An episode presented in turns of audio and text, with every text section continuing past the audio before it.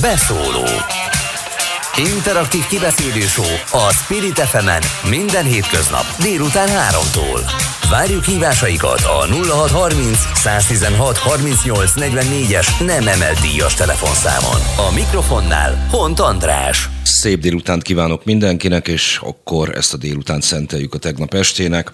Tegnap ugyanis két választást is rendeztek Európában, egyet Franciaországban elnöket választottak, illetve a szomszédos Szlovéniában pedig országgyűlést. Az első vendégem Lengyel Miklós, a Magyar Rádió volt Párizsi tudósítója. Jó napot kívánok!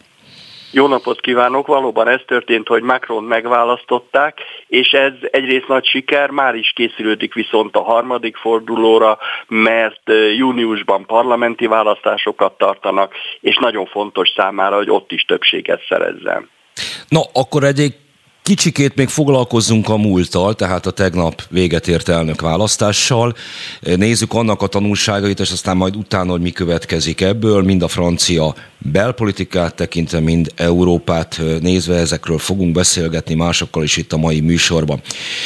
Az első reakciók itthon és külföldön a mainstream média, politikusok, politikai elemzők részéről azt mondja megkönnyebbülésé volt. Ezt jól látom? Ez pontosan így van, mert Franciaországon belül is komoly félelem volt attól, hogyha Marine Le Pen asszony győz, akkor kivezeti Franciaországot az Európai Unióból, és egy ilyen Frexit, az ugye esetleg az Európai Unió végét is jelenthette volna.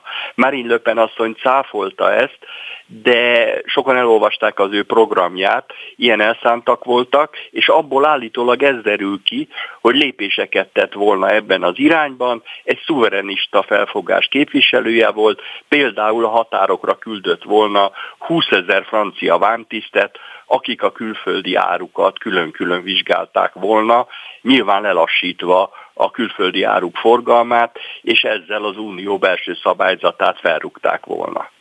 Mennyiben volt ez reális opció? Én értem, hogy a programban benne van mindenféle szuverenistának nevezhető elem, de egy löppen elnökség az, az valóban elhozhatta volna Franciaország kilépését az Unióból, avagy az történik, mint amit láttunk szerte Európában, igaz, kisebbi koalíciós partnerként, hogy amikor ö, kormányra kerültek az euroszkeptikus erők, akkor többnyire eh, megszerették azért valamelyes Brüsszelt, ma a Salvini az egyik legnagyobb támogatója. Eh, hát ez valószínűleg így lett volna Marine Le Pen asszonynal is, mert az üzleti körök kerekperec megmondták, hogy ez számukra elfogadhatatlan. Tehát nyilvánvalóan ő is váltott volna, de az igazi problémája Macronnak az, hogy a baloldali ellenzék véleménye is elég hasonló. Tehát ő a beszédében, amelyikben megköszönte a támogatást, külön hozzáfordult a jobboldali és a szélső jobboldali és a baloldali szavazókhoz, és mind a két csapat a globalizáció és az Európai Unióval szemben foglalt állást. Macronnak meg az a problémája, hogy meg kell nyernie a következő parlamenti választást, méghozzá úgy, hogy ne szoruljon rá a baloldal támogatására, mert akkor egy baloldali miniszterelnökkel jóval nehezebb lenne a reformokat megvalósítania.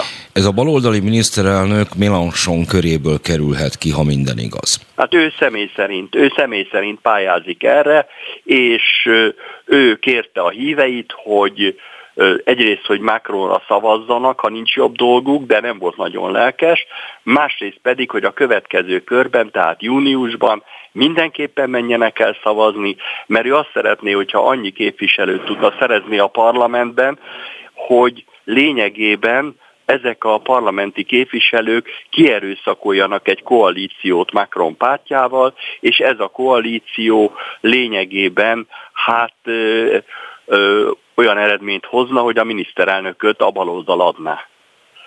Na most egy kicsit próbáljuk meg a francia választási rendszert elmondani a hallgatóknak, mert némileg bonyolult. Az a helyzet, hogy hiába bírnak bizonyos pártok jelentős befolyással a nemzetgyűlésbe, nem tudtak bekerülni. Most van nemzetgyűlési reform ugyan terítéken, ki tudja már hanyadik, de hogy az a helyzet, hogy mondjuk Löpperre szoruljon rá egy francia jobb-közép kormány, az idáig nem volt elképzelhető.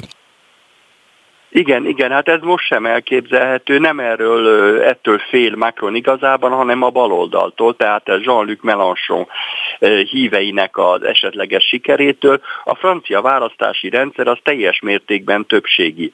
Eléggé hasonlít az angolhoz, ami azt jelenti, hogy nincs listás szavazás, tehát lényegében mindenkinek a választókerületben kellene győznie.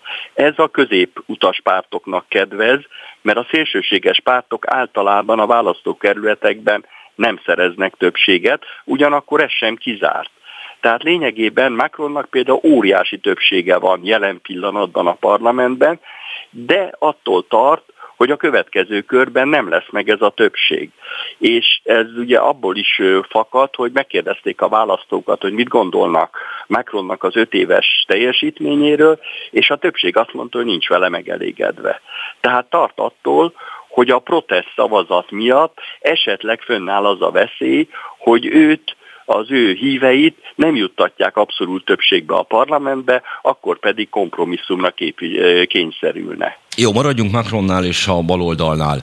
Elképzelhető az a forgatókönyv, hogy most nem hogy azok, akik kényszerből leszavaztak Macronra, hanem azok is, akik érzik azt, hogy itt egy ilyen kegyelem kettes volt, amit a francia elnöknek adtak, Dafke le fognak szavazni a radikális baloldali opcióra.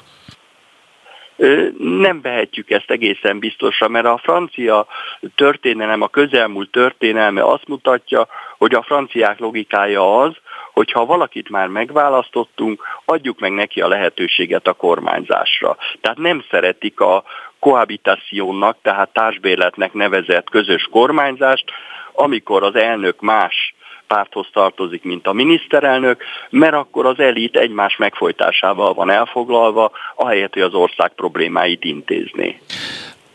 Javítson ki, ha rosszul mondom, emlékezetemből próbálom előcsiholni, ilyen két, az közelmúltban ilyen előfordult mondjuk Sirak alatt Jospin, Jospin esetében, illetve Balladűr és, és Mitterrandnál? Igen, igen, ezek voltak a jeles esetek, és általában nem volt igazán sikeres ebből a szempontból az együttműködés, és ezt a választók általában nem díjazzák. Tehát lényegében ezért is adtak Macronnak óriási többséget az előző fordulóban, tehát 2017-ben, és ebben reménykedhet, hogy ez most is így lesz, de miután elég sok az elégedetlen az országban, tarthat tőle, hogy az elégedetlenek egyszerűen túlcsordul az elégedetlenség, és akár szélső jobboldali jelöltet, akivel semmiképpen sem akar koalíciót alkotni, akár baloldali jelöltet hoznak be, de ővelük se akar koalíciót alkotni, mert a globalizáció elvetésében és a reformok elvetésében hát eléggé hasonló az álláspontjuk. És tegyük hozzá, majd erről talán beszélünk, hogy amikor Macron első külföldi útját említjük Scholz kancellárnál, hogy az ő célja egy Európai Egyesült Államok megteremtése. Na most ebben sem a szélső jobb oldal, sem a bal oldal nem partner. Ez kisebbségben van ez az álláspont Franciaországban. Jó, erről majd még beszéljünk, mert azon túl, hogy ez egy ilyen jó hangzó bombó, az mindig kérdéses, hogy mit is értünk ez alatt. Térjünk egy kicsikét vissza arra, amit mondott, hogy a 2016, 2017-es elsőprő fölény, ami egy ilyen 66 százalékon, 67 százalékos Macron fölényt jelentett, is jóval kisebb volt már, mint amit Sirak újraválasztásakor kapott, amikor Marine Le Pen édesapjával, Jean-Marie Le Pennel kellett megküzdeni, és akkor még 80% fölött volt a konzervatív elnök támogatottsága a második fordulóban, ennyien adtak le protest szavazatot a szélső jobból szemben. Ebből lett aztán 66, és a mostanra meg már csak 58.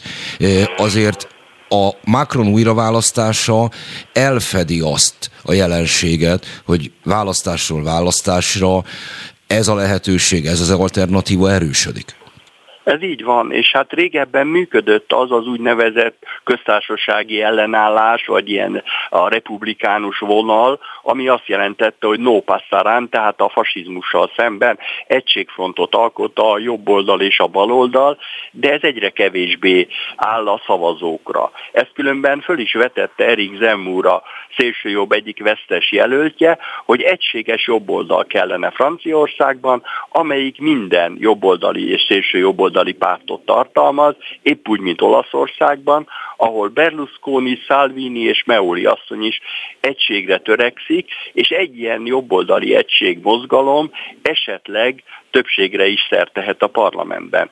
Na most ezt Macron mindenképpen elutasítja, ő azt szeretné, hogyha a centrumnak lenne többsége, de tisztában van vele, hogy a franciák döntő többsége nem támogatja az ő reformjait, ezért erről egy kukkot nem szólt se a választási kampányban, sem pedig most nem fog szólni, mert ugye két hónappal meghosszabbodik a választási kampány, júniusban lesznek a parlamenti választások. Na most egyébként mennyiben lehetne működőképes egy ilyen jobboldali egység? Mert hiába veti fel Ezzém úr, nagyon úgy néz ki a területi eloszlását böngészgetve a szavazatoknak, hogy itt nagyon-nagyon más választó rétegekről beszélgettünk. Löpent támogatta a francia vidék egy rész, hogy pontosan mely rész, azt majd térjünk rá ki, miközben Zémúrnak sikerült olyan helyeken előre törni, ahol a régi jobb-középnek voltak, az RPR-nek vagy a, az UMP-nek voltak komoly támogatói vagy támogatottsága. Ezek összeadhatók, vagy abban az esetben, próbálják összehozni, akkor mit tudom én, a városi jobboldaliak másfele kezdenek el tájékozódni teljesen jogos, amit említ. Egyrészt ugye érdekes fejlemény a hagyományos pártok összeomlása. Tehát az, hogy például De Gaulle elnök pártja 5% alatt szerepelt, hogy az a jelölt, aki őt képviselte, hogy a szocialisták 2% alatt, holott ez a két nagy párt adta a korábbi elnököket Macron előtt. Tehát ezek a hagyományos pártok összeomlottak, és a szélső jobboldali pártok gyűjtik be a szavazóik egy részét, és a szélső baloldaliak pedig a szocialisták, illetve a kommunisták korábbi szavazóit próbálják összegyűjteni. Tehát ilyen értelemben egy ilyen furcsa polarizáció is megfigyelhető Franciaországban. A globalizáció nyertesei és vesztesei kerülnek szembe egymással, de ilyen szempontból Macronnak ugye az a számítása, és ez teljesen jogos, hogy valószínűleg a nyertesek nincsenek igazán többségben. Tehát ő meg van fogva, és ezért is nem teríti ki a lapjait a választások előtt.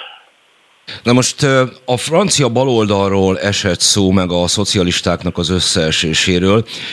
A francia 20. századi politikát valahogy mindig azért végigkísérte a baloldal válsága és az újabb és újabb metamorfózisa.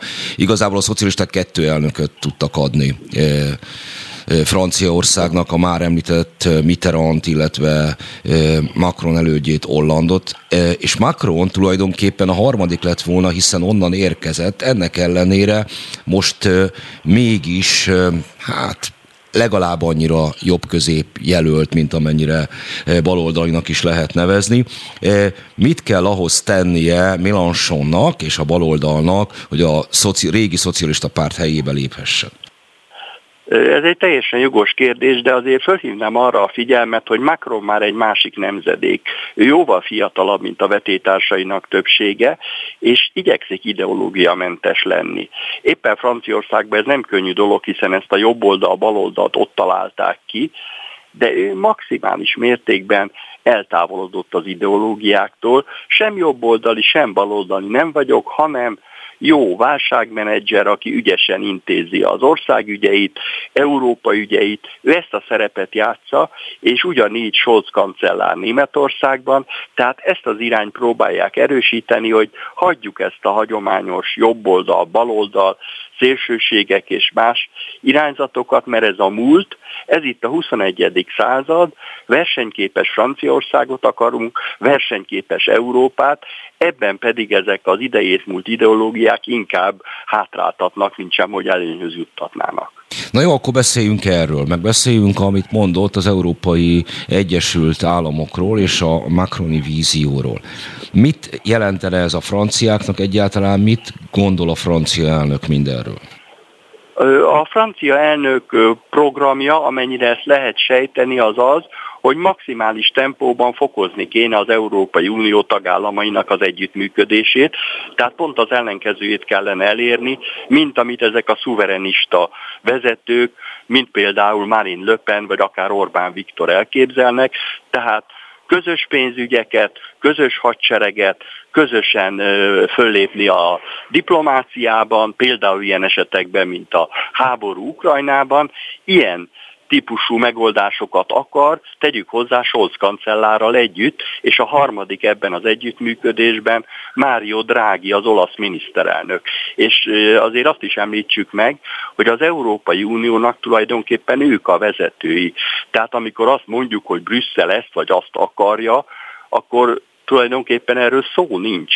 Ez a három vezető dönt igazában a fontos kérdésekben, és hát a Ursula von der Leyen asszony ebből hát vonja le a következtetéseket, hogy finoman fogalmazzunk. Aki ráadásul egy olyan politikusnak az embere, aki már nincs is a porondon, Angela Merkelé. Azt mondta az előző elnök választáskor eh, Marine Le Pen, hogy eh, abban az esetben, nem, hogy mindenképpen egy nő fogja irányítani Franciaországot, ha ő nyer, akkor ő, abban az esetben, ha pedig Macron nyer, akkor Angela Merkel. Nyilvánvalóan itt a németek szerepére utalt ezzel, meg a franciákban lévő óckodástól azért a, német politikával kapcsolatban. Mit lehet a német-francia viszonytól most várni? Macron ugyan megerősítette magát, kérdés, hogy mi lesz a parlamenti választáson, de a németeknél jelentős fordulat következett be tavaly. Már is közölte Macron, hogy az első látogatása Berlinben lesz. És ugye emlékezhetünk rá, hogy Scholz kancellárt még be se iktatták, és már is Párizsba látogatott. Tehát az Európai Uniót ez a tendem irányította a britek bekerülése előtt, és most, hogy a britek kikerültek, hát részben az olaszok pótolják őket, és továbbra is az a tervük, hogy előre kell menni az Európai Unió egységesítése felé, ellenkező esetben Európa versenyképtelen lesz, és lemarad a főbetétársak mögött.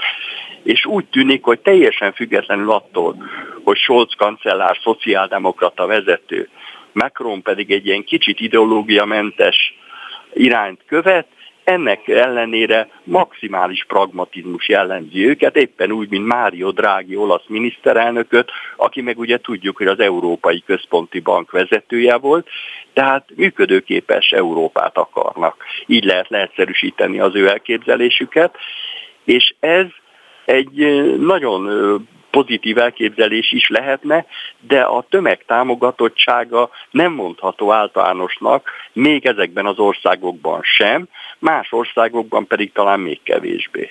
Említette a maximális pragmatizmust, ami ezeket a politikusokat jellemzi.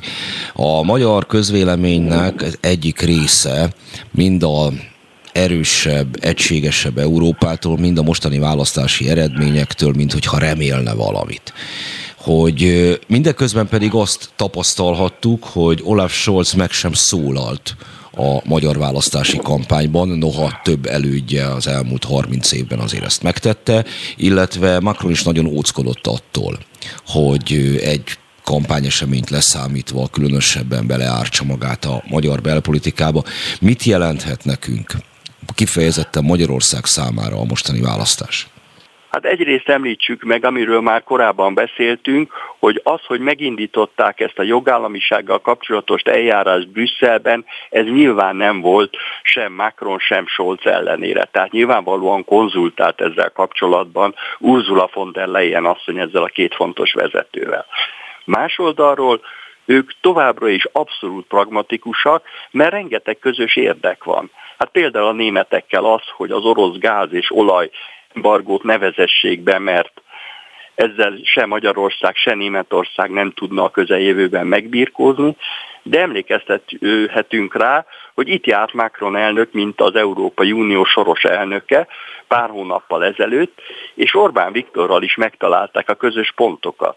Például az atomprogramot, hiszen Franciaország az atomprogramnak a vezető ereje Európában, és ugye Magyarország is hát az atomprogramban látja az energia megoldás egyik kulcsát, a másik a közös hadsereg. A közös hadsereget Magyarország és Franciaország is támogatja, és ez ugye nagyon fölértékelődött az ukrajnai háború fényében. Tehát ennek következtében Macron elnök és Scholz kancellár is igyekszik azokat a pontokat megtalálni, például a magyar kormányjal kapcsolatban, amelyben az érdekek közösek. És azért ne felejtsük el, hogy a hivatalos nyilatkozatok és a valóságos tettek, azok nagyon fura viszonyban vannak egymással, nem csak nálunk, de Franciaországban és Németországban is. És ott van még ráadásul Magyarország és Franciaország között a Balkán politika, ami egy ilyen fur, folyamatosan furcsa egyeztetést jelent a két fél között. Amit elmondott, azért azt jelenti, hogy a jogállamisági eljárás ide, jogállamisági eljárás oda, szép nagy tere van a magyar miniszterelnöknek itt a lavírozásra. Nagyon valószínű, hogy ez a helyzet, de az erőviszonyok azért adottak hiszen Franciaország és Németország európai körülmények között nagyhatalomnak számít. Magyarország viszont nem. Pénzügyi helyzete Magyarországnak nem túlságosan jó, és erre ugye hát az európaiak is rájöttek, és ezért is a jogállamisági eljárás ugye azt jelenti, hogy Magyarország eurómilliárdokról maradhat le. Enélkül valószínűleg tartósan Orbán Viktor sem tudja üzemeltetni a nemzeti együttműködés rendszerét, és ezt pontosan tudja Macron elnök is. Ez tehát a tárgyalások során nagyon is komolyan fölmerülhet. Emiatt szerintem mind a két fél erős kompromisszum hát kényszerben van, és a megállapodás kényszere már csak annál is nagyobb, mert ugye gazdasági válság előtt áll egész Európa, beleértve Magyarországot és Franciaországot is, és a gazdasági válság kellős közepén hát ilyen problémákon elmélkedni nem nagyon lehet, mert az emberek döntő többségét nem az érdekli, hogy most éppen mi van a magyar jogállamisággal, hanem az érdekli őket, hogy hát hogy élünk. Tehát a megélhetési problémák.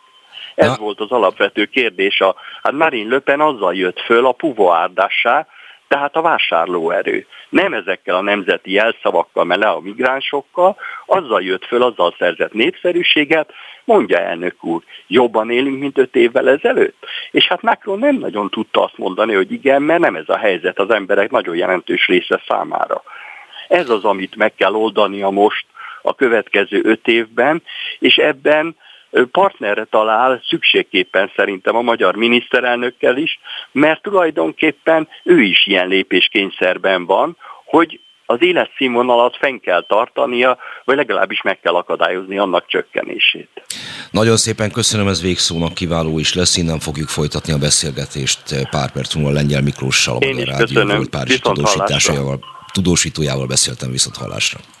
Beszóló Interaktív kibeszélő a Spirit fm minden hétköznap délután 3-tól. Várjuk hívásaikat a 0630 116 38 44-es nem emelt díjas telefonszámon. A mikrofonnál Hont András. Továbbra is szép délutánt kívánok mindenkinek. Francia és szlovén választásokról beszélgetünk a mai adásban, illetve annak Európára, illetve részben Magyarországra gyakorolt hatásait vizsgáljuk meg. Előző vendégem Legymer Miklós volt, a Magyar Rádió volt Párizsi tudósítója. A következő vendégem pedig Vince Hajlalka, független külpolitikai és védelempolitikai kutató, a Philadelphia Foreign Policy Research Institute transatlanti és európai kérdésekkel foglalkozó szakértője. Pontos voltam-e? Pontos, teljesen.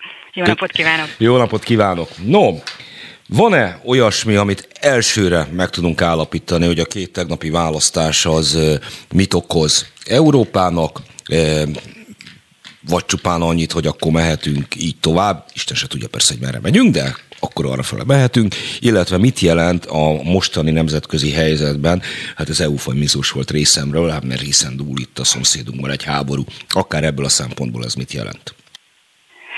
Én úgy gondolom, hogy elég volt ránézni eh, Emmanuel Macron frissen újra választott elnök arcára, hogy lássuk, hogy annak ellenére, hogy milyen nagyarányú győzelemmel uh, vitte a választást, persze ez relatív ahhoz képest, hogy ki volt az ellenfele, de annak ellenére finoman szóval nem jutott győzelmi mámorban. Uh, látszott rajta, hogy pontosan tisztában van vele, hogy igen, igen, sötét vihar felhők gyülekeznek, uh, részben ugye már itt is vannak, amennyiben a külpolitikát nézzük, és hogy mind Európában, mind nemzetközi szinten úgy kell egy a francia elképzelések szempontjából kedvezőtlenül változó helyzetben képviselnie a, az eddigi irányokat, hogy közben belpolitikailag és társadalmilag is egy puskaporos hordó tetején ül. Egyébként egy jó példa volt erre tegnap, hogy Macron elnök a győzelmi ünnepéje igencsak kurtára sikeredett, és nem volt az a szokásos lelkesedés sem, ami ilyenkor, ilyenkor várható. Tehát úgy mindenki tisztában van azzal, hogy, hogy komoly nehézségek és kihívások várhatók mind a két téren, és ugye nyilvánvalóan külpolitikailag sokkal nehezebb helyzetben van akkor, amikor belpolitikai, is egy akna, belpolitikai szempontból is egy aknamezőn lépdel. Itt két dolgot említett, egyfelől a francia állam társadalom működését, másfelől pedig az, hogy mi van a nemzetközi téren. És ö, ha megengedi, egy kis magánfejtegetésbe bocsátkozva, hogy annak ellenére, hogy Franciaország győztes hatalom volt, annak ellenére, hogy Európa legnagyobb országa, az, hogy a a francia állam nem működött olyan olajozottan, mint például a német, a francia gazdaságnak folyamatosan voltak hiányosságai, megakadályozta azt, hogy, hogy mondjuk vitathatatlanul az első politikusa legyen bármelyik francia elnök e, Európának.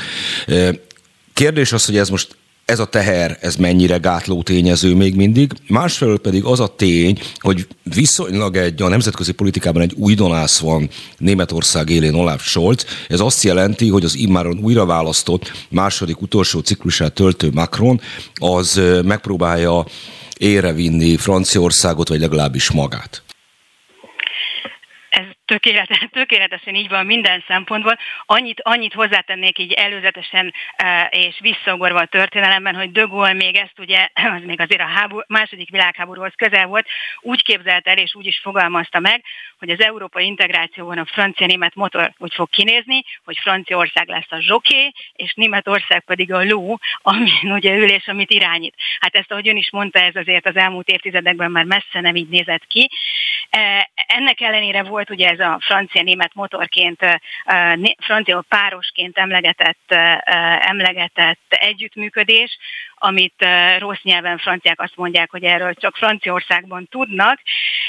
Minden esetre ennek azért a lényege mégis egy olyan egyensúly volt Európán belül, amelyben a, a német gazdasági ahogy ön is említette, rendkívül jó teljesítőképességét, ellensúlyozta Franciaországnak a diplomáciai katonai ütőkártyája. Ugye ne felejtsük el, hogy most már a brit kilépés után Franciaország az egyetlen olyan ország az Európai Unióban, amely az SBT állandó tagja, és ráadásul ö, ö, önálló atomarzenállal is rendelkezik, tehát atomhatalom is. Ez egyébként csak megjegyzem, ezt a francia elnökök szerették és mindig tudatosítani az európai partnereikben.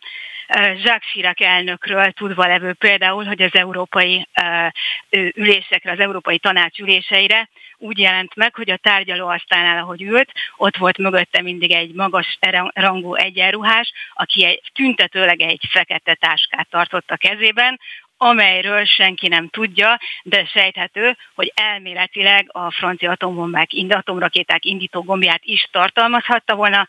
Rosszabb indulatok szerint csak a nagyétkű Sirak elnöknek a, esetleg az uzsonnáját, de minden esetre a, szimbol, a szimbolika megvolt hozzá, tehát ezt a diplomáciai, katonai erőt, ami a francia elképzelésekben ellensúlyozni volt hivatott mindig a német gazdasági fölényt, ez azért eddig folyamatosan igen jó szerepet, erős szerepet biztosított Franciaországnak az integráción belül, és ugyan önnek teljesen igaza van abban, hogy Macron elnök tapasztalata és ugye európai elkötelezettsége és a, a diplomáciai szabad kezem, mert azért nem felejtjük el, hogy a francia alkotmány az elnöknek diplomáciai téren óriási, és katonai téren óriási mozgásteret biztosít. Ez ugye elméletileg fölénybe kerül ezzel Macron elnök az, az újoncnak mondható Scholz szemben, ugyanakkor francia szemmel, persze kimondatlanul, de igen komoly, mondjuk úgy, hogy felemás érzéssel viseltetnek az iránt a bejelentés után, hogy 100 milliárd eurónyi haderőfejlesztést fog most végrehajtani Németország.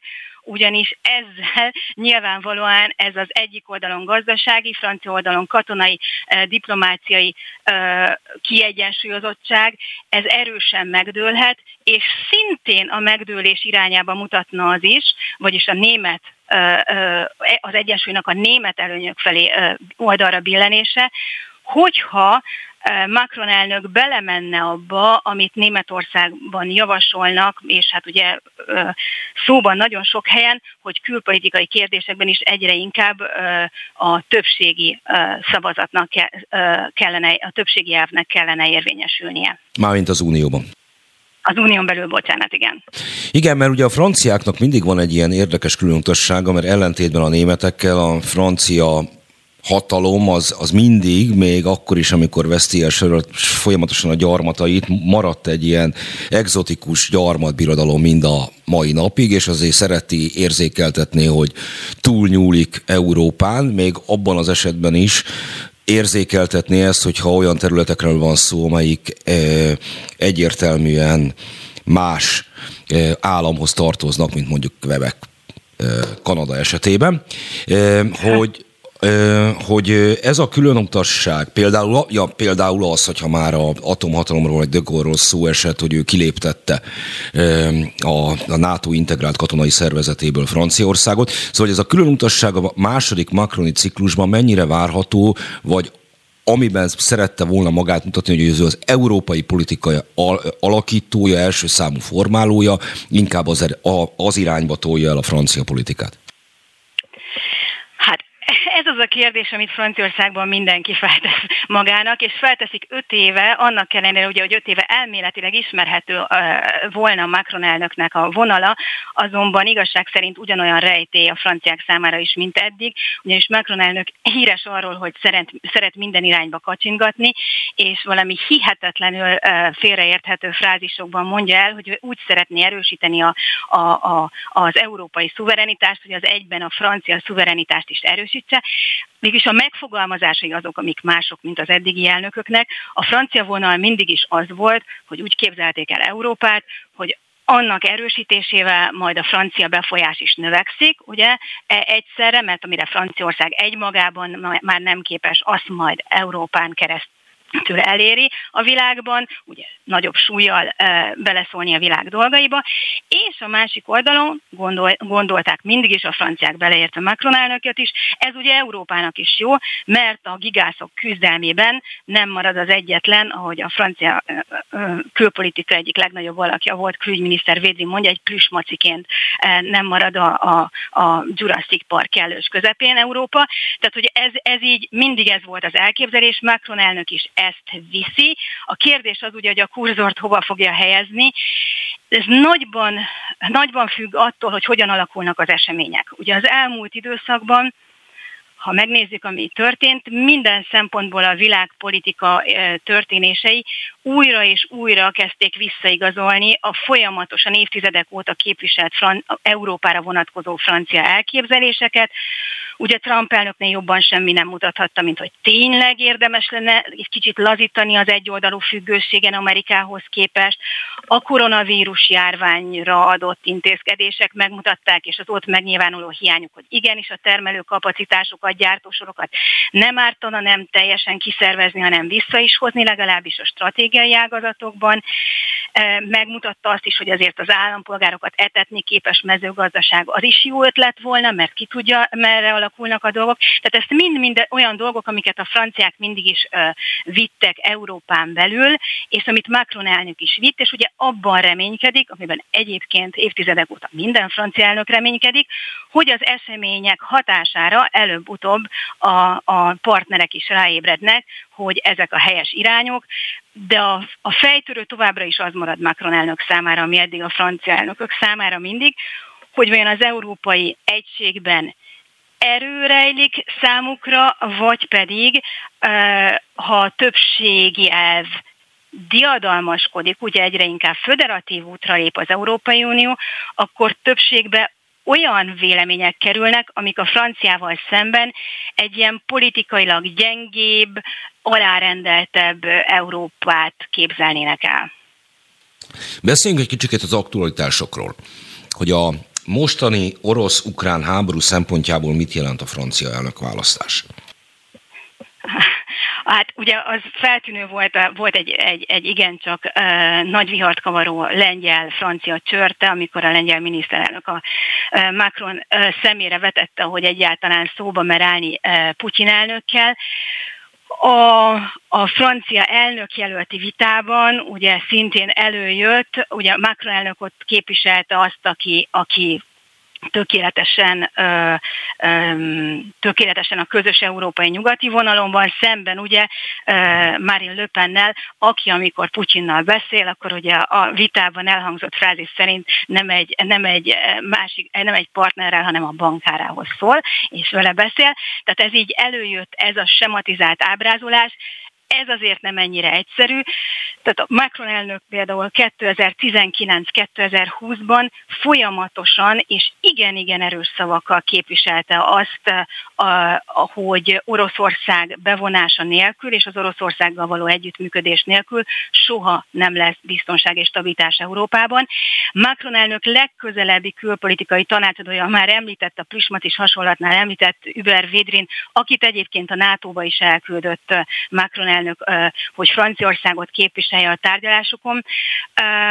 Ő, ő, ő azt mondja, hogy ő is azt mondja, hogy előbb-utóbb úgy is oda fog majd a háború követően kerülni a helyzet, hogy megint el kell gondolkozni azon, hogy hogyan, hogyan lehet együttműködni Oroszországgal, Ugyanakkor nyilván, amikor Marine Le Pen ezt így kerekperec a maga külpolitikai tapasztalatlanságával közölte, első számú prioritásként szinte megjelölve, hogy majd a NATO-t közelebb hozni Oroszországhoz, akkor azért az elég furcsán hangzott. Ennek ellenére a francia külpolitika beleértve Macron is, de e, a hagyományos külpolitikai vonal, az továbbra is úgy gondolja, hogy ez az állapot átmeneti, és hogy nem lesz békes stabilitás Európában, akkor, hogyha Oroszország elszigetelve, Kína karjaiba lökve találja magát, nem beszélve arról, hogy persze ez most a jelen helyzetben abszolút kimondatlanul, de a francia diplomácia beleértve Macron elnököt is annak sem örül, hogy a jelenlegi helyzet sokkal tovább erősíti hatványozottan Európának az Egyesült Államokhoz való egyoldalú függőségét. Ugye én már nem csak haditechnikai, fegyveripari, hanem energiavonalon is kirajzolódik a dolog, és a másik oldalon pedig mi eddig ilyen európai védelempolitikai kezdeményezések voltak, meg beszélgetések stratégiai autonómiáról, az most megint ott van, mint amit pár évvel ezelőtt a bolgár védelmi miniszter fogalmazott egy NATO konferencián, elnézést a kifejezésért, de úgy mondta, hogy hagyjuk a francba az egész európai védelempolitikát, és tegyük minden tojáskánkat a NATO kosarába. Hát most azért eléggé e- ez a közhangulat is Európában. És ez egy reális forgatókönyv, mert azt én értem, hogy a közhangulat ez, de azt láttuk, hogy a, az elmúlt évtizedekben, hogy a NATO egy meglehetősen nehézkesen mozgó szervezet, míg Európának pedig szüksége lenne arra, hogy az eredeti szerződéseken túlmenően olyan tevékenységeket eddignél fegyelmezettebben lásson el, mint például a közös biztonságpolitika. Ez tökéletesen így van, nem véletlen ugye, hogy az elmúlt évtizedekben a francia diplomácia már úgy gondolta, hogy az ő irányai felé egy ilyen önállósodás felé mozdul el majd Európa.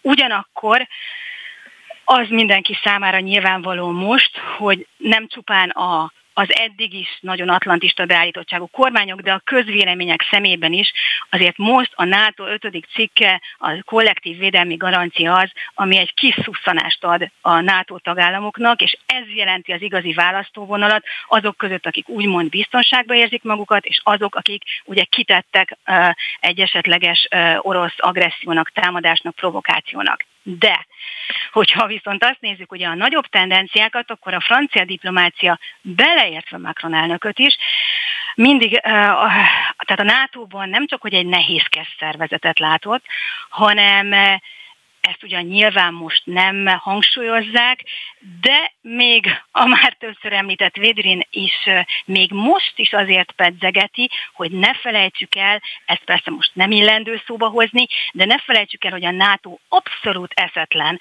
meggondolatlan, keleti nyitási politikája az úgynevezett nyitva hagyott ajtó, amiben folyamatosan egy ilyen, egy ilyen egy ilyen fekéként hagyta Ukrajna kérdését Oroszország felé, hogy majd felveszünk, majd a NATO tagja leszel, ez bizony nem kis mértékben szerepet játszott abban, hogy idáig fajulhattak a dolgok, és ez ez nyilván most nem így, nem így cseng le, nyilván most nem így csapódik le, a, sem a közéleményekben, sem az európai kormányokban, de Franciaország miközben persze ki nem mondja, azért ezt is visszaigazolódva látta, hogy ezt nem kellett volna, ugyanakkor az ötödik cikk az most mindenhol uh, ilyen pajsként uh, jelenik meg a, az emberek és a kormányok szemében, tehát most a NATO mindenképpen uh, mindenképp éppen pozíciókat nyert ilyen szempontban, az ilyen sokszor ilyen zéro, nulla összegű játszmaként zajló folyamatban az európai védelempolitika és a NATO között. Most arra, ha arra fele mutatnak a, a tendenciák, hogy inkább lesz egyfajta visszatérés ahhoz az elképzeléshez, ami szerint az európai védelempolitika persze mondja, hogy autonóm, de hogy inkább a nato belül ilyen európai pillérként fog szárba szökkenni, amire már e, ezzel a e, kifejezéssel kb. 30 éve készülődnek. Ez kiváló lesz, e, de nézzük akkor Nézzük akkor azt, ami, ami nem katonai együttműködés, de világbiztonságával kapcsolatos. Meg, meg ugye egybe is fonódik, mert miközben például zajlik egy háború, annak a válaszoknak az egyik része az ugye gazdasági, kereskedelmi szankciókat uh-huh. léptetnek folyamatosan életbe Oroszországgal szemben. Hogy hogy minthogyha, ja, és beszéltünk arról, hogy van ez a kölcsönös bizalmatlanság Európa és az Egyesült Államok között, ebben keresi mindenki a helyét, meg hogy akkor mi lesz az oroszokkal. De minthogyha lenne egy olyan szereplő, amelyet folyamatosan eh, figyelmen kívül hagyunk, bár egyszerűen említette. Kína pedig mindeközben, mint ilyen keleti napként emelkedik föl. Az valamikor a súlyának megfelelően fog eh, mindenféle ilyen eszmecserében előkerülni, hogy akkor azzal most mi történik, hogy igazából a világ jövőjét legalább ennyire befolyásolja az, hogy a Kína, Kínával, kínai birodalommal mi lesz? Hát ez egész biztosan mindenkinek a fejében ott van, még akkor is, hogyha most az orosz agresszió elterelte a figyelmet erről. Európai oldalról ez nyilván úgy jelenik meg elsősorban, hogy az amerikai védelemtől nagyban függő európai országok, megjegyzem egyetlen ilyen van, amelyik nem az és az Franciaország, amelyiknek még ugye saját ereje van, de az összes többi, e, az összes többi attól tart most már 2011 óta, amikor az Obama elnök még megfogalmazta, hogy akkor most Ázsia felé kellene fordulni, tehát attól tartanak, hogy Amerika figyelme Európa felé csökken, és túlzottan leköti az erőit, részben a figyelmét, részben effektíve az erőit a, a, Kíná, a Kínával való vetélkedés, illetve ne adj Isten komolyabb szembenállás. Tehát, hogy ez így az európaiak fejében van, annál is inkább, mert az amerikai stratégia maga is csak egyfrontos háborúval számol, tehát mondjuk, hogyha egyszerre kellene az, európai, az európaiakat is megvédeni, de ön azt mondta ugye, hogy hagyjuk most egy kicsit a katonai, katonai témákat, tehát ha már Kínáról beszélünk, akkor ugye izgalmas a technológiai verseny, és itt is, hogyha visszakanyarodhatok, ugye, mert ebben is nehéz kikerülni európai oldalról a franciákat. Nagyon érdekes a, a francia biztos Thierry Breton, egyrészt a portfóliója is rendkívül érdekes már, ő egy óriási, óriási zsákmány volt az EU-n belül mondjuk azt a francia diplomáciának, hogy megszerezték azt, hogy egyszerre a, a, a digitális átállással, a belső piacsal, a hadiparral, az űrpoli, világúrpolitikával, tehát minden olyannal, ami francia szempontból nagyjából az Európai Európai Unió stratégiai szereplőségének a nem katonai értelemben az alappillérét jelenti, azzal ez a francia biztos foglalkozik az EU-n belül, és ugye ez nyilvánvalóan a technológiai verseny, az 360 fokos, tehát Kína mellett minden más szereplővel is szereplőhöz képest is függetlenítené magát, francia elképzelések szerint az Európai Unió, és ez a Thierry Breton, ez hihetetlen munkát végez ott az Európai Bizottságban, viszi a francia vonalat a, arra, hogy, hogy önálló képességek kellenek a, a kvantum, a digitális, a mesterséges intelligencia, stb. terén Európának, és ehhez képest viszont mindig megjelenik az, hogy a többiek bólogatnak, és azt mondják, hogy autonomiát szeretnénk, de nyitott autonomiát szeretnénk, úgy szeretnénk függetlenek lenni, hogy ezekbe a különböző projektekbe közben azért beengedjük az összes többi külső szereplőt, akiktől függetlenek szeretnénk lenni. Tehát ez is egy dolog. A másik ilyen, ami nem katonai vonzata, ugyanakkor az Európai Unió e, geopolitikai súlyát meghatározza, az bizony akárhogy is, de az a bevándorlás kérdése és egyértelmű a demográfiai mutatókat nézve, hogy ez lesz az egzisztenciális kihívás Európa számára, és itt is van egy elég jó pozícióban egy francia, francia a Frontex, a határvédelmi a határvédelmi szervezetnek az igazgatója, a francia Fabrice Ligeri, és ő őt is állandó támadások érik. Tehát Macron például azt mondja, hogy ugye ő 1500 fölött 10 ezerre növelni a Frontex létszámát, ami remek, azt leszámítva, hogy a Frontex folyamatos támadások keresztüzében van akkor, hogyha esetleg meg szeretné valósítani azt, amire létrehozták, effektíven védeni szeretné az európai határokat. Az európai tagállamok és különösen a nem kormányzati szervezetek úgy képzelik el a feladatát, hogy ilyen rendőri kísérettel bevezetik a menekültként érkező bevándorló tömegeket. Ezt a franciák nem így gondolják, tehát itt is igen nagy csaták várhatók. E, a, a francia e, igazgatót mindenféle meghurcoltatások érik, és ennek ellenére azért továbbra is például felhívja a figyelmet arra, hogy a, a, ezek a nem kormányzati szervezetek és az embercsempészek igencsak összejátszanak abban, ami Európa határain történik. Ez azért is nagyon nagy geopolitikai kihívás, mert ugye egyrészt a következő évtizedekben egy hatalmas demográfiai nyomás a határokra, de azért is, mert belülről gyengíti a társadalmak, társadalmak szétzirálásával Európát, amitől persze megint csak kevésbé tud hatékony külpolitikai szereplőként megnyilvánulni. No hát akkor azt hiszem, hogy el is érkeztünk ahhoz a ponthoz, amit majd a következő órában tudunk folytatni. Én is visszatérnék majd a következő beszélgető partneremmel egy kicsikét Marine Le Penre, és arra a tendenciára, amely, amely annak ellenére, hogy Macron nyert, létezik és van, nevezetesen, hogy a radikális jobb oldal, populista jobb oldal folyamatosan azért választásról választásra erősödik, és azt hiszem, hogy ez komolyan összefüggésben van azzal, amit most előbb Vince Hajnalka említett, tehát a menekültekkel, a migrációval és hasonló kérdésekkel. Vince Hajnalkának meg köszönöm, hogy velünk volt. A hírek következnek. Én köszönöm a meghívást. Viszont hallásra. Viszont hallásra. Beszóló Interaktív kibeszélő a Spirit fm minden hétköznap délután 3-tól. Várjuk hívásaikat a 0630 116 38 44-es nem emelt díjas telefonszámon. A mikrofonnál Hont András. Továbbra is szép délután kívánok mindenkinek. A francia és szlovák, szlovák, szlovén választásokról beszélgetünk a mai adásban. Hangsúlyosabban a francia elnök választásról az előző órában is erről esett szó, annak európai, észak-atlanti és egyéb összefüggéseiről egyaránt, és ahova Vince Hajnalka külpolitikai elemzővel jutottunk, az vissza is kanyarított minket némileg Franciaországba, a migráns kérdésnek nevezett jelenség, illetve a francia radikális jobb viszonyához. Azt ígértem, hogy innen fogjuk folytatni. Vendégem Sós Eszter Petronella, politológus, Franciaország szakértő. Jó napot kívánok! Jó napot kívánok! No, hogyan is kell értékelni Marine Le Pen eredményét?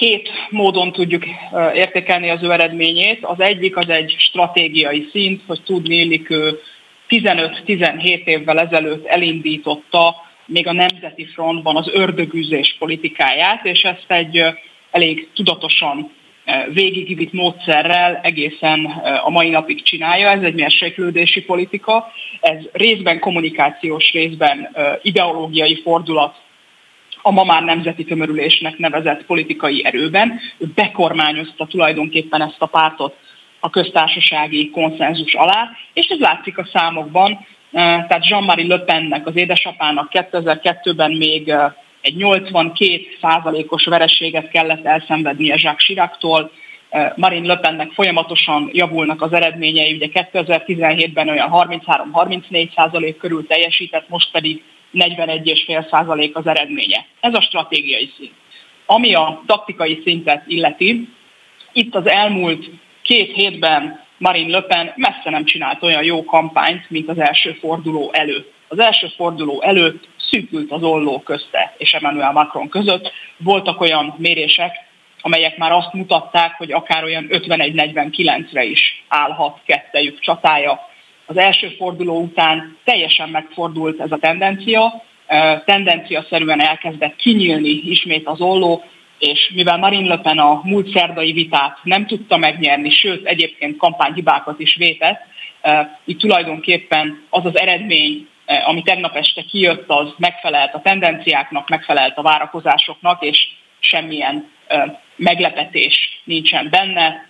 Nyilvánvaló, hogyha Marine Le Pen személyét kihívások érik, és mivel 45% alatt teljesített, én azt gondolom, hogy fogják ilyen kihívások érni, akkor arra a június 12 és 19-i nemzetgyűlési választás után kerülhet sor, hiszen most mindenki azon dolgozik, hogy többsége legyen, vagy legalábbis csökkentse a veszteség mértékét. Úgyhogy Franciaországban nem ért véget a kampány, tegnap este 8 óra 1 perckor elkezdődött a következő. Erről beszéljünk még, esett már szó amikor Lengyel Miklóssal eh, beszélgettem, a, a, a Magyar Rádió volt Párizsi tudósítójával, tehát eh, az a kérésem, hogy ezt majd hozzuk újra vissza a témába, mármint a parlamenti választást, de egy kicsikét akkor maradjunk már Löpennél, melyek voltak ezek a hibák, amit ebben a két hétben elkövetett kampányhibák? Az első az az, hogy kevésbé volt fölismerhető az az üzenetrendszer, amit küldött, mint Emmanuel Macron esetében. Ugye az első forduló úgymond királycsinálója a radikális baloldali Jean-Luc Mélenchon volt, és pontosan lehetett látni, hogy mindenkinek az ő szavazóira van szüksége ahhoz, hogy meg tudja nyerni ezt a választást. A Mélenchon bázis megosztott volt, nagyságrendileg mondom egyharmaduk Macron támogató volt, felük akart otthon maradni, és kb. 20%-uk gondolt átszavazni Löpenre plusz-minusz 5-10 százalék, ez nagyjából így is történt, de a lényeg az, hogy Marine Le Pennek is semmiféle változás nem sikerült elérnie. Az első héten például tartott sajtótájékoztatót a külpolitikáról, beszélt az intézményekről, ez, ezek nyomokban tartalmaztak olyan üzeneteket, ami például a sárga mellényesek számára izgalmas lehetett, de Emmanuel Macron sokkal felismerhetőbben beszélt például az ökológiai kérdésekről, amelyek fontosak a Melanchon szavazóknak. Ráadásul egyébként Macron a negatív kampányt is hatékonyabban csinálta, ugye a Melanchon szavazók között sok a, a muszlim, tehát a külvárosi szavazók egy része ott van, és hát nyilván számukra Marine Le Pen egy veszélyes jelöltnek tűnt föl, különösen azután, hogy a fejkendő betiltása oda került a napirendre. Voltak olyan ügyek, amelyek nem konkrét kampányhibaként jelentek meg, de ott volt például az Olaf jelentés, ami időt, energiát vett el Marine Le Pen-től, és hát összességében az, hogy nem sikerült megnyerni a vitát, egyébként nem vitázott rosszul, sokkal felkészültebb volt, mint 2017-ben, de megnyerni nem sikerült. Ezek együtt, ha tetszik, kiadták azt a folyamatot, ami ahhoz vezetett, hogy nem tudott fordítani. Ugye ő volt a kihívó, ő állt rosszabbul, tehát neki kellett volna itt a két forduló között sokkal jobban szerepelnie ahhoz, hogy le tudja győzni Emmanuel Macron-t. Emmanuel Macronnak elég volt nem hibázni, és nem hibázott. No de Ettől függetlenül az a tendencia, amit most felemlített ön is, és ami az előző órában is szóba került, hogy Jean-Marie Le Pennek Sirakkal szemben még volt, vagy Sirak által még volt egy 82%-os elutasítottsága, legutóbb is 2017-ben Macron még 66%-ot tudott hozni Marine Le Pennel szemben, most már csak 58 valamennyit. Ez van. Mi a helyzet a vidék Franciaországával? Milyen olyan gondok vannak, milyen olyan tendenciák érvényesülnek, amelyek az Elizé palotából kevésbé láthatók, vagy kevésbé tudják megoldani őket, és amelyet most egy kicsikét zárójelez az, hogy végül is a vártnál, vagy bizonyos előrejelzett kutatási eredményeknél jobban szerepelt Macron, de ettől még ez a kérdés, amit mondjuk Marine Le Pen jelez Európának, az velünk van, nem? Azt gondolom, hogy Marine Le Pen, illetve nem csak gondolom, hanem a számok alapján empirikus adatunk is van rá, hogy Marine Le Pen azokat képviseli, akik elégedetlenek azzal, ahogy mennek a dolgok, akik nem érzik jól magukat a globalizációban. Ezek egyébként jellemzően kevésbé képzett, kevésbé jól kereső, és a globális jövedelemtermelő központoktól, tehát praktikusan a nagyvárosoktól távolabb élő emberek, tehát akik kevesebb lehetőséget látnak a globalizációban, viszont több veszélyt. Tehát ők azok, akik annyit látnak, hogy nagyobb a verseny, több a nemzetközi nyitottság, ez az ő lehetőségeiket beszűkíti, a közszolgáltatások leépülnek, gondoljunk például arra, hogy a vidéki egészségügyi ellátásnak milyen problémái vannak Franciaországban. Tehát Marine Le Pen azoknak a panaszait hangosítja föl, ha tetszik, akik nehezebben boldogulnak a globalizációban. És hát való igaz, hogy a vidéki alsó középosztály is megszenvedi ezt a válságot, hiszen ők ezt válságként érzékelik és élik meg, és a vidéki alsó középosztály egy része ténylegesen dolgozó középosztály, ugye a munkanélküliek is jelentős számban ott vannak Marine Le Pen szavazóbázisában, de itt alapvetően a dolgozó középosztályról beszélünk. Nyilvánvaló, hogy eddig Emmanuel Macron különösebben nem törekedett, vagy hát mondjuk a sárga mellényes mozgalomig különösebben nem törekedett, hogy ezeket az embereket képviselje. Az ő politikája arról szólt, hogy a globalizációt meg lehet nyerni, hogy létre lehet hozni egy olyan Franciaországot, amely e, versenyképes lesz ebben a globalizációban. Hozzáteszem, ért el eredményeket ezen a téren, Ugyanakkor csak lefolytani tudta ezt a feszültséget, ugye ezzel a bizonyos nagy vitával, ami egy ilyen több hónapig húzódó nemzeti konzultáció volt. Nem véletlen, hogy most azt ígéri Emmanuel Macron, hogy ő folyamatos nagy vitát, folyamatos nemzeti konzultációt fog folytatni a franciákkal, mert egyszer már látta, hogy ez a típusú, ha tetszik, nyitottság és meghallgatás, vagy ez a típusú kevésbé autoritár kormányzás működött, és lehetővé tette, hogy a létező társadalmi konfliktusok ne robbanjanak, vagy ha már vannak, akkor legalább csöndben ilyen parásként, bubópatakként legyenek ott a felszín alatt, de ne tegyék Franciaországot kormányozhatatlanná. Hát kormány, kormányozhatatlan most nem is attól függ, hogy, hogy a már lezajlott elnökválasztással mi lesz, mert kormányozhatatlan valószínűleg nem, de Macronnak még lehet nehezebb a helyzete.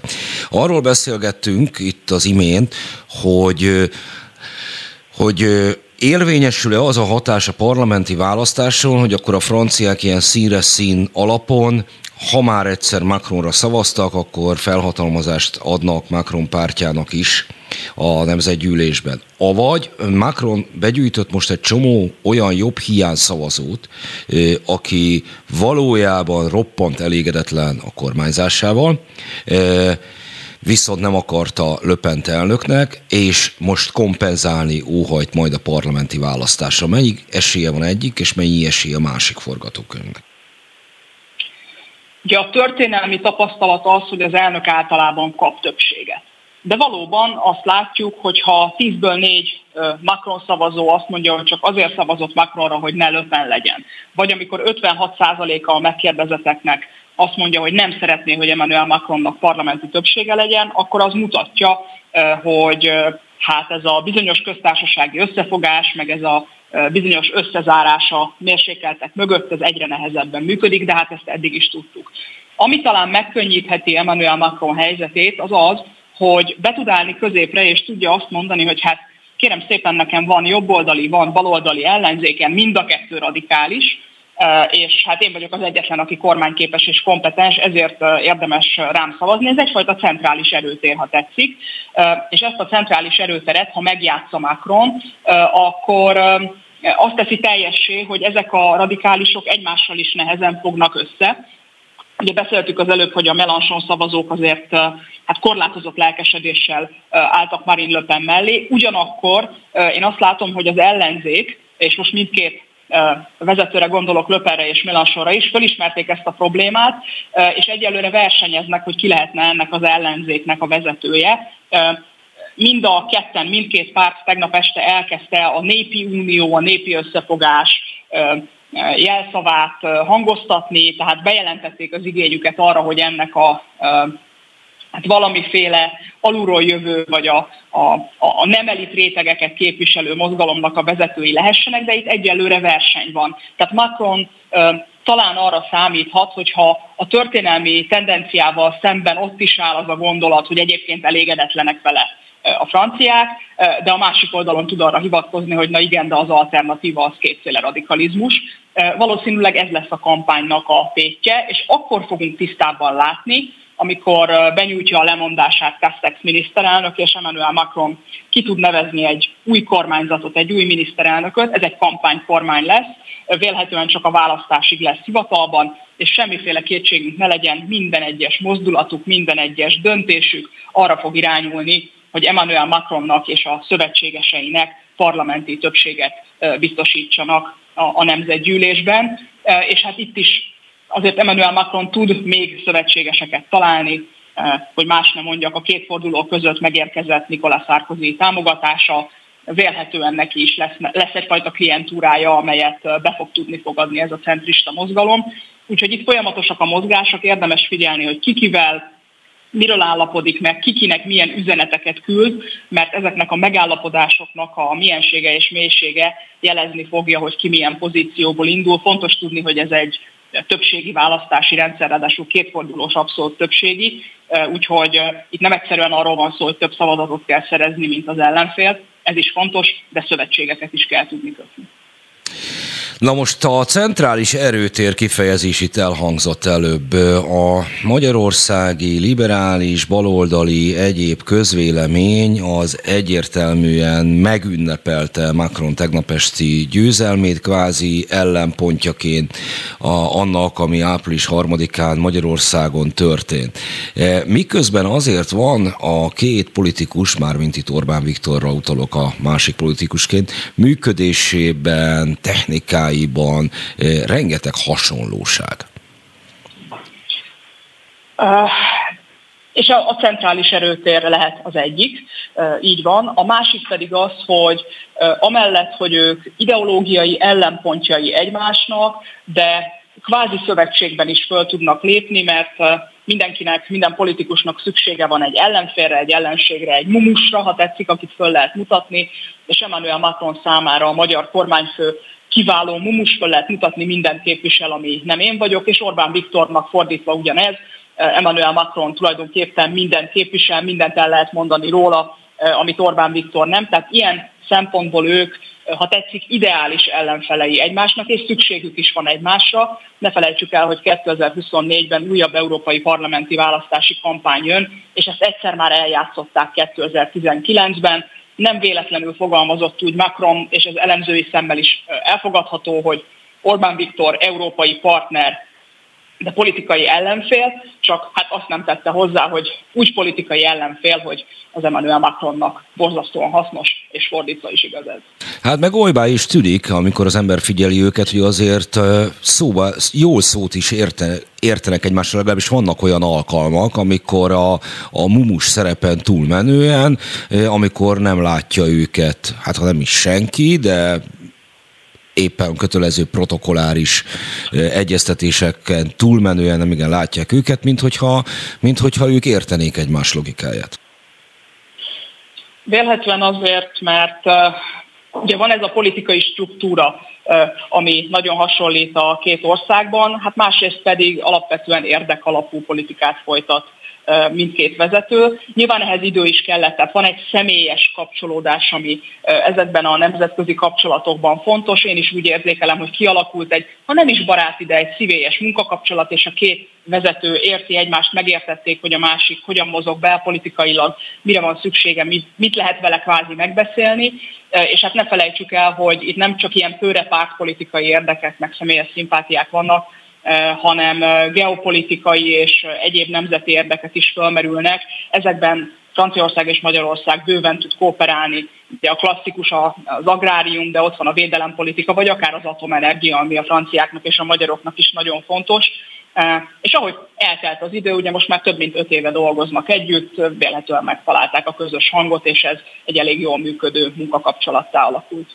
A kérdésem az, hogy mi az, amit remélhet a francia társadalom Macron második elnökségétől. Ha mondjuk most öt év múlva beszélgetnénk, mi az, amire azt mondhatnánk, hogy bekövetkezett, és az első ciklusban még nem volt. Tudom, hogy ez egy ilyen futurológia, de szerintem mégis érdekes kérdés. Miben lehet más Macron második elnöksége, mint az első?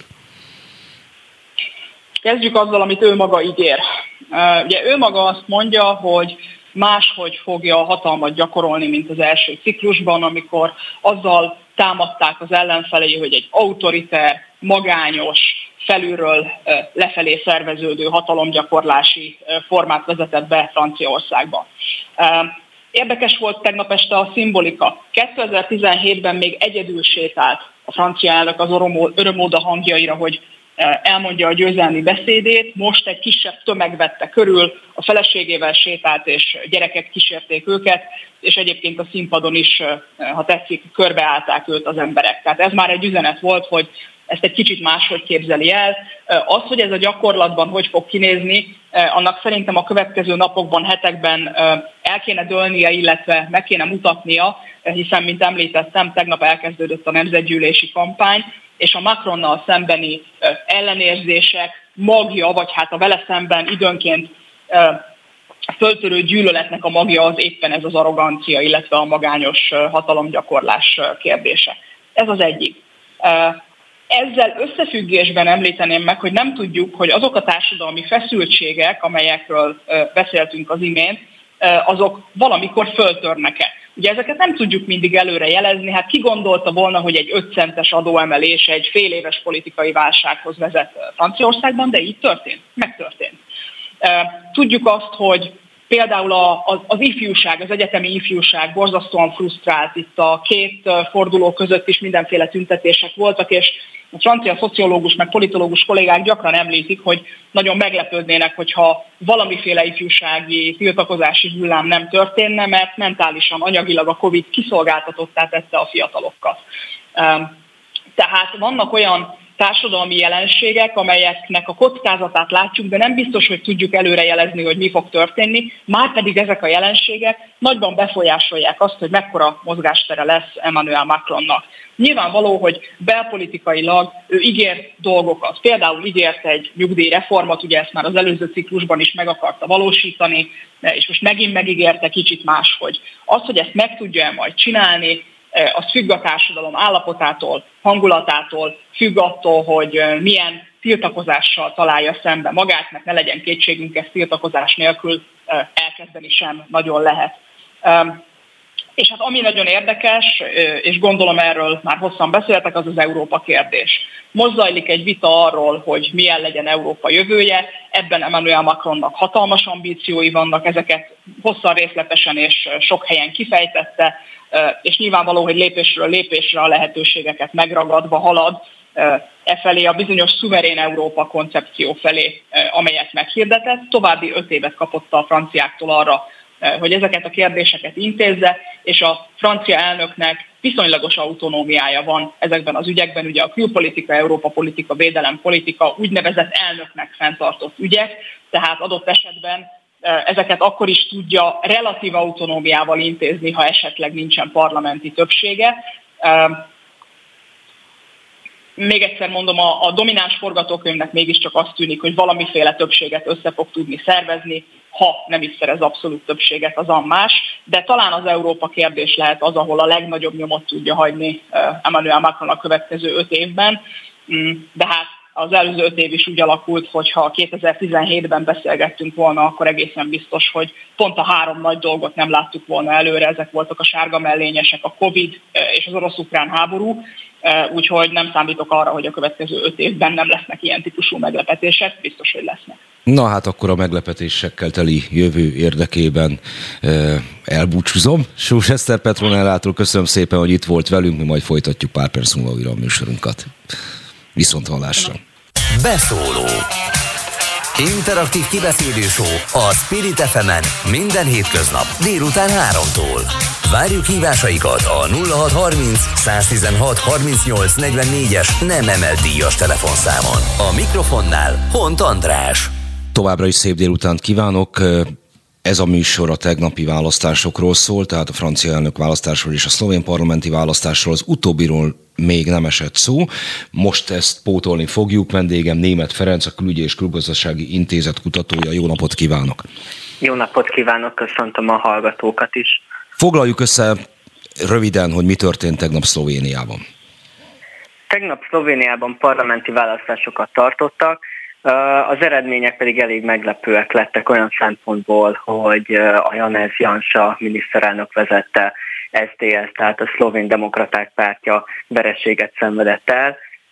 Bejutott ugyan a parlamentbe, de még hagyományos szövetségesével sem lesz elegendő mandátum ahhoz, hogy koalíciós kormányt alkosson. Az első helyen pedig egy alig pár hónapja alapított párt, a Robert Golob vezette szabadságmozgalom került ki győztesen, több mint 40 mandátumot szerzett, ezzel pedig további baloldali szociáldemokrata pártok bevonásával könnyen alakíthat kormány pár héten belül. Na, őt nevezte, mármint az utóbbit, a Telex nevezetesen Brückner Gergely kollégám a, a szlovén Gattyán Györgynek, azzal a különbséggel, hogy hogy noha mind a ketten erős gazdasági áttérrel rendelkeznek, üzleti karrier áll mögöttük, Golob volt már államtitkár korábban. Mennyiben volt ez várható, meg egyáltalán ki komponálhatta azt, hogy a semmiből előtörjön ez a mozgalom? Valóban Golob nem annyira volt az elmúlt években benne a politikai hétköznapokban, de azért azt nem szabad elfelejteni, hogy a 90-es évek végétől azért ő töltött be kisebb-nagyobb ideig különféle kormányokban pozíciókat, például a 2000-es évek elején energetikaügyi államtitkár is volt, utána pedig több mint tíz éven át az állami energiaszolgáltató vezérigazgatója volt, és éppen tavaly Jansa váltotta le, hogy ennek is meglegyen, ennek a szállnak is egy kis pikantériája Jansára vonatkozóan. Golob alapvetően megreformálta ezt a pár hónapja alakult szabadság mozgalmat, már pár hónap után is meg lehetett reformálni egy pártot, és a sikere igazából abban rejlett, hogy úgy tűnik, hogy sikeresen tudta a nagyon sok kisebb baloldali, balközép pártok szavazóit a saját oldalára állítani, és ez meg is látszik az eredményeken, hogy más balközéppárt nem is jutott be a törvényhozásba. Sikerült kvázi stabilizálni a szlovéniai baloldalt, egy viszonylag erős ellenpólusát képezve a jobboldali Jansa vezette SZDSZ-nek. Pusztán ennyi, a, ahogy ön mondta, meglepő eredménynek az oka, vagy van valami olyan más is, amit a szlovén sajtó jelen pillanatban találgat, hogy mi vezethetett az eddigi miniszterelnök bukásához? Hogyha, hogyha megnézzük azt, hogy milyen platformon futott Golob, illetve a szabadság mozgalma, olyan sok eltérést nem tapasztalhattunk például az eddigi zöld, zöld vagy baloldali pártok politikai programjához képest. A kuriózum itt az volt, hogy Golob egy igen erős Jansa ellenes retorikát folytatott, és igazából ezzel is nyert. A szlovén választók egy jelentős részének nagyon nem tetszett már az elmúlt időszakban Jansa kormányfő stílusa, illetve a politi- politizálása, és ez úgy látszik sikeres, sikeresen tudta mozgósítani, illetve kihasználni ezt a helyzetet Golob, aminek az lett az eredménye, hogy 41 mandátumot szerzett és első helyen végzett. Beszéljünk egy kicsit Janszáról. Mit kell róla e, tudni, ha még egy párhuzamok említhetünk, a mai adásban már több ö, is szóba került. Egy meglehetősen régóta a politikában lévő, többszörösen kormányfőviselt emberről beszélünk. Így van, tehát Jansa egy nagy politikai túlélő, a karrierje több mint 30 évvel ezelőtt még a jugoszláv időkben kezdődött, az 1980-as évek végén, fiatal liberális újságíróként megjárta az akkori börtönt, és a jugoszláv kommunisták tették oda, és ez a fajta kommunizmus ellenesség, szocialista ellenesség a mai napig elkíséri, hiszen például ő az egyik legnagyobb szószólója annak, hogy még erősebb szankciókat kellene Moszkvával szemben jelenleg alkalmazni. De alapvetően az elmúlt években, mondjuk az elmúlt egy évtizedben alapvetően változott meg a politikai stílusa, illetve retorikája. Többször um, elég csúnya szóváltásokba keveredett a helyi, illetve nemzetközi médiával is, um, és nagyon sok konfliktusa volt az Európai Uniós intézmények vezetőivel is. En, en, és ennek köszönhető talán, hogy viszonylag jól kijöttek Orbán Viktorral, noha, noha a háború ügyében, mint hogyha nagyon mást mondanának. Igen, igen. Jansa egyike volt azon három politikusnak a cseh, illetve a lengyel kormányfők mellett, akik március közepén Ukrajnába látogattak szolidaritásukat kifejezve Zelenszky ukrán elnök mellett, és így van, Jansa Moszkva ellenességében az is megnyilvánul, hogy például Szlovénia és illetve az egész Európai Unió orosz gázfüggőségét szinte uh, teljesen lenullázná.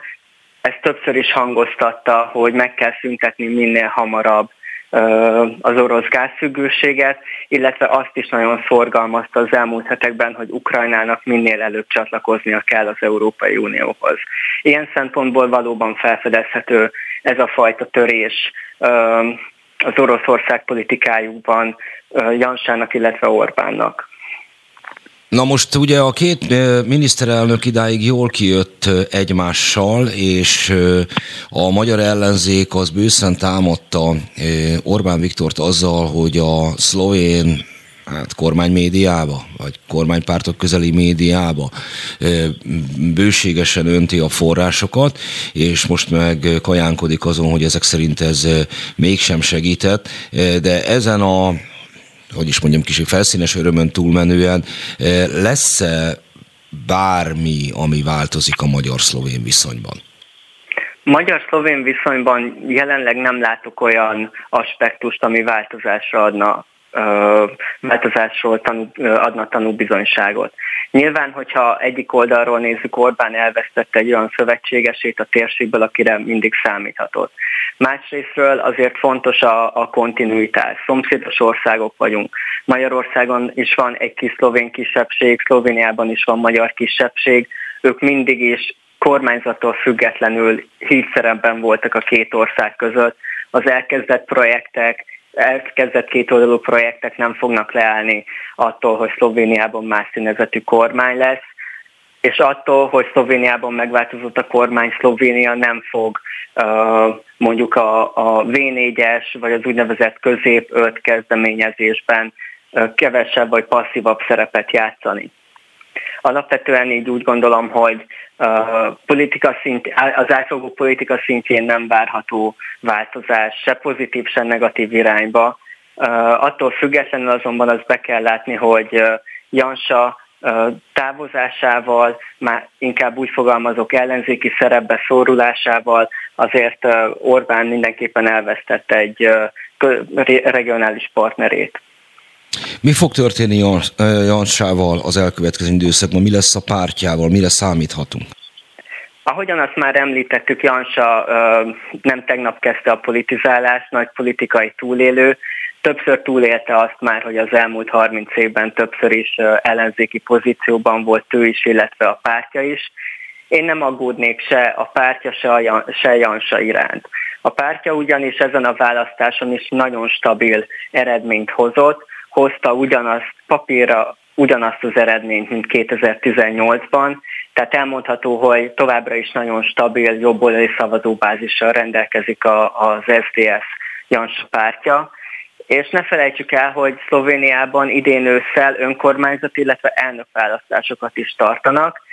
Ez a négy-hat hónapos választ, ö, idő a választások között, tehát a mostani parlamenti választások között, illetve az őszi választások között, pedig valószínűleg jó alkalom lesz arra, hogy maga a Jansa vezette párt is újra gondolja a politikáját, és természetesen arra is, hogy megbizonyosodjanak arról a szlovén választók, hogy érdemes volt-e a Golob pártra szavazni, fogja hozni Golob azokat az elvárásokat, amiket a választók választók rábíztak, illetve amit a választók nyilván elvártak tőle. Szóval az őszi önkormányzati, illetve elnökválasztások azért elég nagy tesztje lesz ennek a, az új színezetű Golob vezette kormánykoalíciónak, és, az, a, és nem lepődnék meg, hogyha Jansa bejelenteni, hogy az elnök választáson jelöltként indulna. Mire lehet számítani Golobtól? Uh, Golob alapvetően elég nehéz helyzetben veszi át Szlovéniát. Uh, az ukrán-orosz konfliktus közelében uh, közepette ez nyilván megnehezíti a koronavírus utáni gazdasági újjáépítést is, szóval elég sok feladattal néz szembe. Elsősorban az egészségügy, illetve az oktatás reformját helyezte kilátásba, valamint az, hogy még több munkahelyet teremtsen pótolva, vagy egy kicsit ellensúlyozva az elmúlt évek koronavírus okozta a gazdasági visszaesését. Elég nagy nagy kihívásokkal néz szembe, mint ahogy szerintem ebből kiderül, illetve nyilván ezeket a reformokat véghez is kell vinni, egészségügyi, oktatáspolitikai reform véghezvitele pedig nyilván nem két-három hétbe telik. Beszéljünk egy kicsikét Szlovéniáról, meg a szlovénekről. Az, talán azt hiszem, hogy a, a szomszédos országok közül a legkevésbé emlegetett országról van szó. Nincs ilyen benyomása? De mindenképpen. Valószínűleg lehet, hogy a, a kismérete miatt is elhanyagoljuk, vagy amiatt, hogy azért a, a Szlovéniában élő magyarok száma a tízezer főt sem éri el, de azért nincsen való, valóban a magyar média vagy közvélemény figyelmében Szlovénia sem, holott nyilván jelentős politikai események zajlottak le a tegnapi választások során is. Milyen az az út, amit Szlovénia a függetlenség G válása óta bejárt? Az első ország volt, amelyet elismertek többen függetlenként az egykori Jugoszláviából, talán a legkevésbé kérdés az ő önállóságuk volt, viszonylag rövid időszak volt az a szakasz, amelyet a háború sújtott. Azóta mostanáig feszülő időszakot miként lehet jellemezni? Szlovénia Jugoszlávián belül is mindig egy homogén ország volt, a lakosság több mint 95%-a szlovénként identifikálta magát már a jugoszláv időkben is, és ez nyilván, ahogyan is említette, elősegítette azt, hogy viszonylag vér nélkül 1991-ben függetlenedni tudtak Jugoszláviától, és kihasználták azt a köztük gazdaság és technológiai fejlettséget is, ami a jugoszláv időkben Szlovénia élvezett. Azóta pedig egy prosperáló közép-európai országá vált Szlovénia, viszonylag erős autóiparral, illetve mesterséges intelligencia és az ahhoz kapcsolódó ágazatokban is jelentős sikereket, világszintű sikereket ért már el Ljubljana. Ami a politikai helyzetet vagy berendezkedést illeti, viszonylag stabilnak mondható az ország. Attól függetlenül, hogy mindig elég sok párt jut be a parlamentbe, fragmentált a, fragmentált a politikai paletta, ettől függetlenül jelentősebb botrányok, politikai krízisek eddig nem voltak. Nyilván voltak előrehozott választások, de elhúzódó kormányalakítási folyamatok vagy krízisek nem annyira jellemezték az elmúlt 30 évben az országot. Ami mondjuk a külpolitikát illeti, Szlovénia az egykori jugoszláv országok közül ilyen szempontból a legsikeresebbnek mondható, hiszen az egykori jugoszláv tagköztársaságok közül elsőként csatlakozott mind a NATO-hoz, mind az EU-hoz, illetve elsőként vezette be a 2004-ben az EU-hoz csatlakozott országok közül is az eurót. Nagyjából igazából így lehetne összefoglalni röviden a szlovén elmúlt három évtizedet, megemlítve még azt is, hogy folyamatosan azért a Szlovénia, illetve a szlovének is igazán elkötelezettek a transatlanti kapcsolatok iránt, tehát mind a politikai pártok többsége, mind pedig maga a szlovén nemzet Európát támogatja, EU pártiak, illetve maga a politikai vezetés is többször kifejezi, hogy az ő helyük az EU-ban van, illetve szoros kapcsolatokat kívánnak fenn tartani még az Egyesült Államokkal is. Mennyiben tekintenek magukra sikeresként a szlovénok? Hogyan élték meg ezt az elmúlt közel 30 évet, vagy 30 évet? Abszolút sikeresként tekintenek, magukra, um, hiszen siker volt egy része az, hogy 91-ben függetlenedni tudtak, csak tíz napig volt szlovén földön háború, ez nem járt jelentős emberveszteséggel, vagy nem járt jelentősen az infrastruktúra elpusztításával, és azóta, ahogy látjuk, egy felévelő sikerként könyvelhetjük el mondjuk a bel, illetve a külpolitikai orientációjukat is. Nyilván a gazdasági válság 2008-2009-ben, majd az euróválság azért a szlovén gazdaságra is jelentős hatást gyakorolt, de ebből is sikerült pár éven belül uh, kilábalnia. Uh, a szlovénok alapvetően uh, meg vannak elégedve a saját életükkel, Uh, nyilván vannak uh, olyan időszakok, amikor a gazdaság lehetne jobb, és ez tükröződik is a szlovének hozzáállásán, de alapvetően én azt mondanám, hogy egy jó és prosperáló országként tekintenek önmagukra. Említettük azt, hogy Magyarországon a, talán a mm, szomszédos országok közül Szlovéniáról esik a legkevesebb szó, noha egyébként a magyar-szlovén határszakasz nem is sokkal kisebb, mint mondjuk a magyar-ukrán, és mondjuk talán fele akkora, mint mondjuk a magyar-szerb de hát Szlovéniának is a határi vidékei közül a legszűkebb az, ami Magyarországhoz kapcsolja.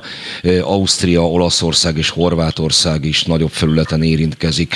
Kik határozzák meg, mely szomszédok és hogyan Szlovéniának az életét? Én erre azt mondanám, hogy mindegyik szomszédja valamilyen szinten meghatározza Szlovénia életét.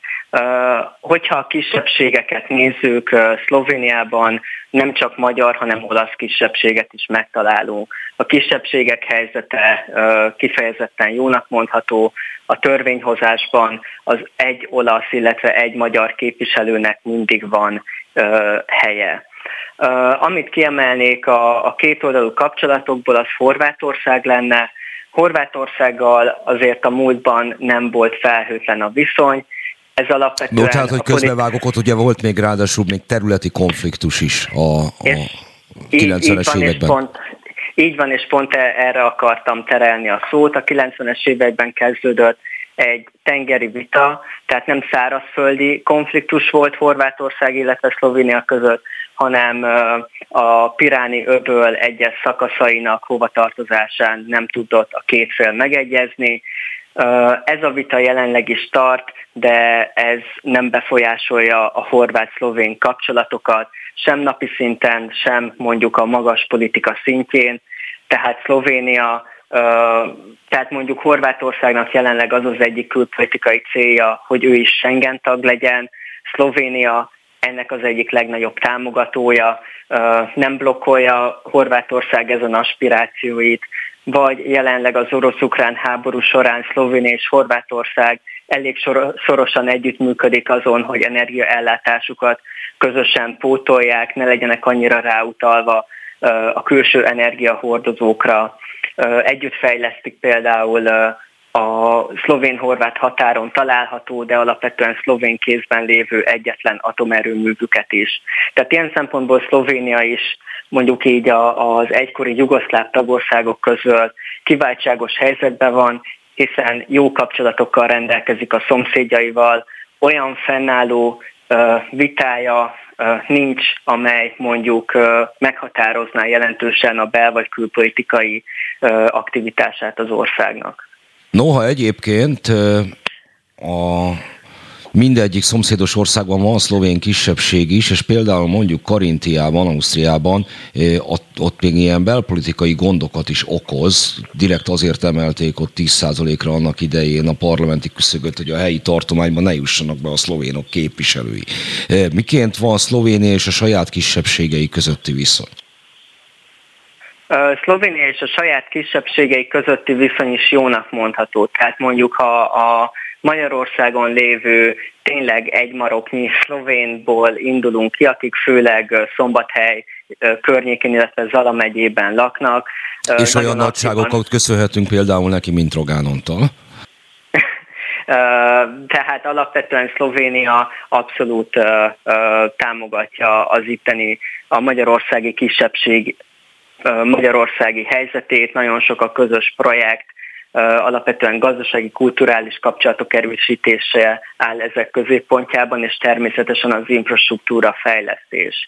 Tehát az, hogy legyen még több határátkelő, illetve arra is érdemes emléke, emlékeztetni talán a hallgatóságot, hogy Jugoszlávia felbomlása után Szlovéniával nagyon sokáig a 2000-es évek legelejéig nem volt közvetlen vasúti összeköttetése Magyarországnak, és ez is a két oldalú kapcsolatoknak, illetve az infrastruktúra fejlesztésnek köszönhető, hogy a 2000-es évek elejétől van működő vasúti összeköttetés Magyarország és Szlovénia között. Tehát Szlovéniának is, illetve a környező országoknak, akikkel Szlovénia határos, fontos a kisebbségpolitika, és kisebbségi problémák a szlovénokkal ilyen szempontból nincsenek. Ausztriában, Karintiában való, valóban voltak, de e, e, ezekről is már csak múlt időben tudunk beszélni. Akkor itt a végén még a szlovéniai magyarokról beszéljünk két szót. Említette, hogy még a tízezret sem érik el, ők a muravidéki magyarok. Igen. De egyébként ott a határos megyékben, Zalában, Vasban, ott, ott, ott tartják a kapcsolatot. Mi a jellemző a helyzetükre? Most, ahogy én ott tapasztaltam, inkább, inkább a gazdag rokon, mint a szegény rokon számom ennek. Uh, igen, uh, tehát alapvetően Szlovéniának ez a területe, ahol a magyarok élnek, a Muravidék, illetve kisebb részben a Muraköz, azért Szlovéniának az egyik legelmaradottabb része. Hogyha a másik oldalról nézzük, ahol Magyarországon élnek, ott egy kicsivel jobb a helyzet Ausztria közelsége miatt.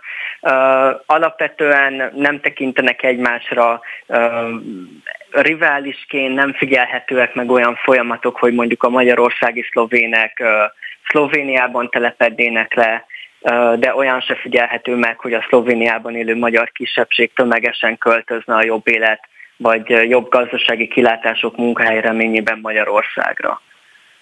Ha valaki most Szlovéniába szeretne menni, egyébként viszonylag kedvel célpontja azt hiszem magyaroknak, de akiknek nem, mivel csinálnak kedvet? Hm. A főváros Ljubljana nagyon szép, nagyon szép a Ljubljana melletti hegyvonulat is, a Triglav hegyre mindenképpen fel kell mennie annak a turistának, aki Szlovéniában jár. A tengerpart mellett pedig elsősorban Bled, illetve a Bleditót ajánlanám, nem is lőném le a poénokat, hogy miért elég szerintem egy internetes keresést elindítani azzal, hogy Bled vagy Bledito, és mindenki érteni fogja, hogy, hogy miért ezt ajánlanám a Szlovéniába látogatóknak. Ezt csak megerősíteni tudom. Köszönöm szépen Német Ferencnek, hogy rendelkezésünkre állt, és Szlovéniáról, illetve a szlovén választásról beszéltünk, illetve az egész műsorban a tegnapi két választásról és annak különböző nemzetközi aspektusairól. Én legközelebb szerdán leszek, Német Ferencnek pedig köszönöm szépen még egyszer, hogy velünk volt. Én köszönöm szépen, minden jót!